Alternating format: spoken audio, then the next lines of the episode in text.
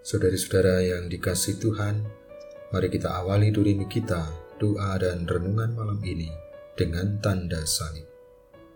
Dalam nama Bapa dan Putera dan Roh Kudus.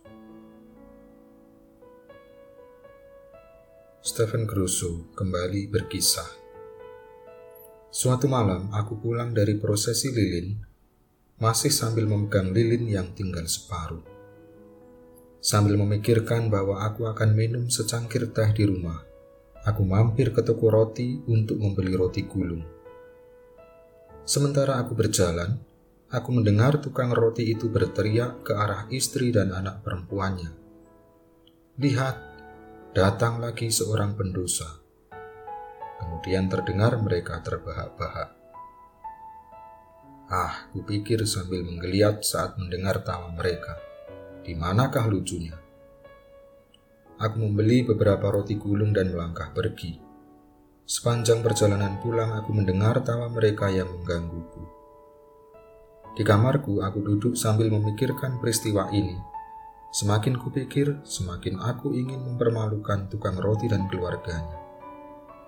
Sebelumnya, aku telah diperingatkan oleh para peziarah untuk mengantisipasi perlakuan yang terburuk dari orang-orang Lourdes dan kini aku mulai percaya bahwa mereka benar. Beberapa orang di sini, pemilik-pemilik toko yang menjual manik-manik dan souvenir, bersikap kasar padaku. Yang satu mengatakan aku bodoh karena dia tidak bisa memahami bahasa Perancisku. Yang lain menipuku. Ya, aku mulai setuju dengan para peziarah pendatang itu. Orang-orang Lourdes itu kasar, sinis, kikir, dan seterusnya. Ketika mendekati waktu tidur, aku menghentikan pikiranku dan mulai berdoa. Akan tetapi ketika berdoa, aku merasa begitu sulit dan tak enak. Tuhan, bantulah aku untuk melihat saudaraku. Pikiranku mengembara. Segera aku teringat kesanku yang tergesa-gesa tentang si tukang roti, istrinya, dan anak perempuannya pemilik toko yang kuanggap berjiwa licik. Bagaimana aku dapat menyimpulkan seseorang yang belum pernah sungguh-sungguh kutemui? Ketika pemikiran ini menyalahkanku, aku mulai ragu-ragu. Tuhan, pikiranku, di manakah kesalahanku? Tunjukkanlah padaku, apakah itu dan apa yang aku tidak tahu. Pertanyaan yang kuajukan adalah pertanyaan retoris. Sesungguhnya aku tidak begitu butuh jawaban Tuhan. Aku sudah tahu jawabannya karena Tuhan telah memberitahukan berkali-kali sebelumnya. Adalah salah menghakimi seseorang yang tidak kamu kenal betul. Juga salah menghakimi orang yang kamu anggap kamu mengenalnya.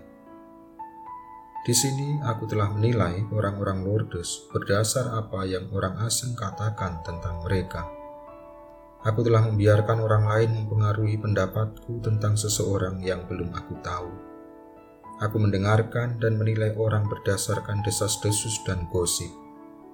Aku telah menghakimi dan menyalahkan semua orang berdasar pada sedikit pengalaman yang tak menginapkan.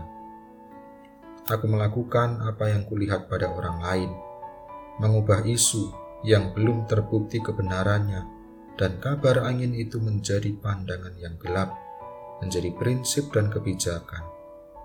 Pikiran-pikiranku telah menambah jumlah simpanan kebohongan, fitnah, pernyataan yang berlebihan, dan tuduhan yang kita simpan dan gunakan untuk melawan orang lain. Apakah yang akan terjadi bila orang tidak mendengarkan pendapat orang lain tentang sesama mereka?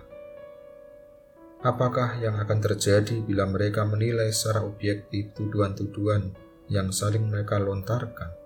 Jika mereka mengesampingkan pandangan yang bertentangan dan membatasi diri agar dapat melihat dengan lebih baik.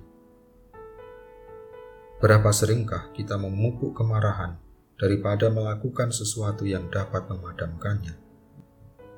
Pastilah akan lebih baik memilih pengampunan daripada balas dendam. Betapa kedamaian akan lebih mudah bila kita melihat saudara yang bersalah dengan kacamata cinta kasih Tuhan.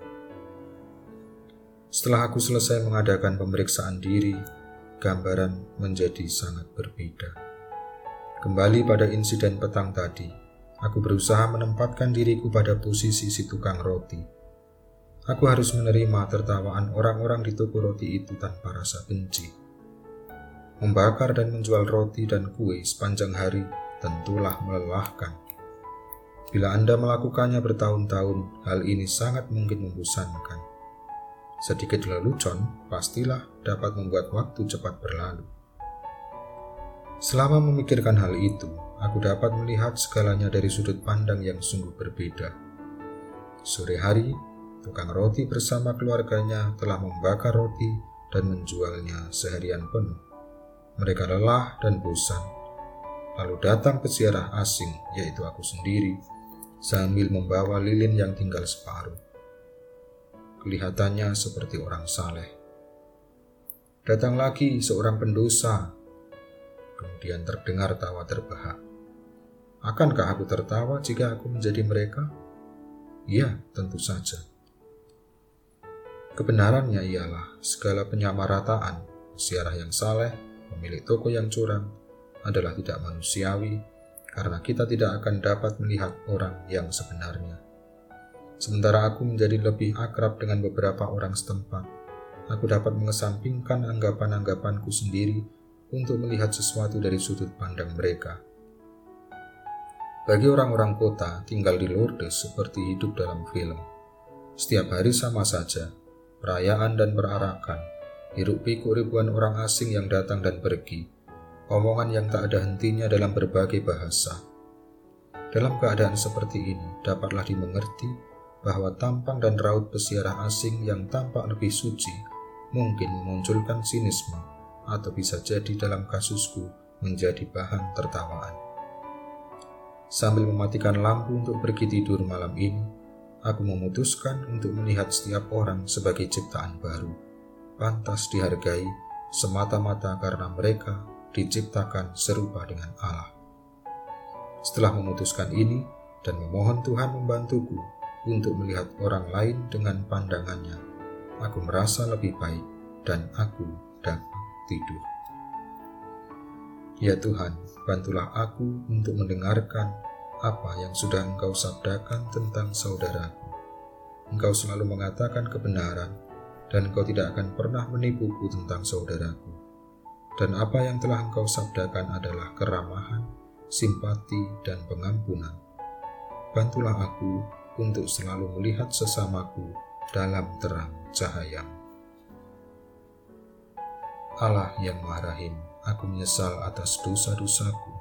Aku sungguh patut engkau hukum, terutama karena aku telah tidak setia kepada engkau yang maha murah dan maha baik bagiku. Aku benci akan segala dosaku dan berjanji dengan pertolongan rahmatmu hendak memperbaiki hidupku dan tidak akan berbuat dosa lagi. Allah yang maha murah, ampunilah aku orang berdosa ini. Salam Maria, penuh rahmat Tuhan sertamu, terpujilah engkau di antara wanita, dan terpujilah buah tubuhmu Yesus. Santa Maria Bunda Allah, doakanlah kami yang berdosa ini, sekarang dan waktu kami mati.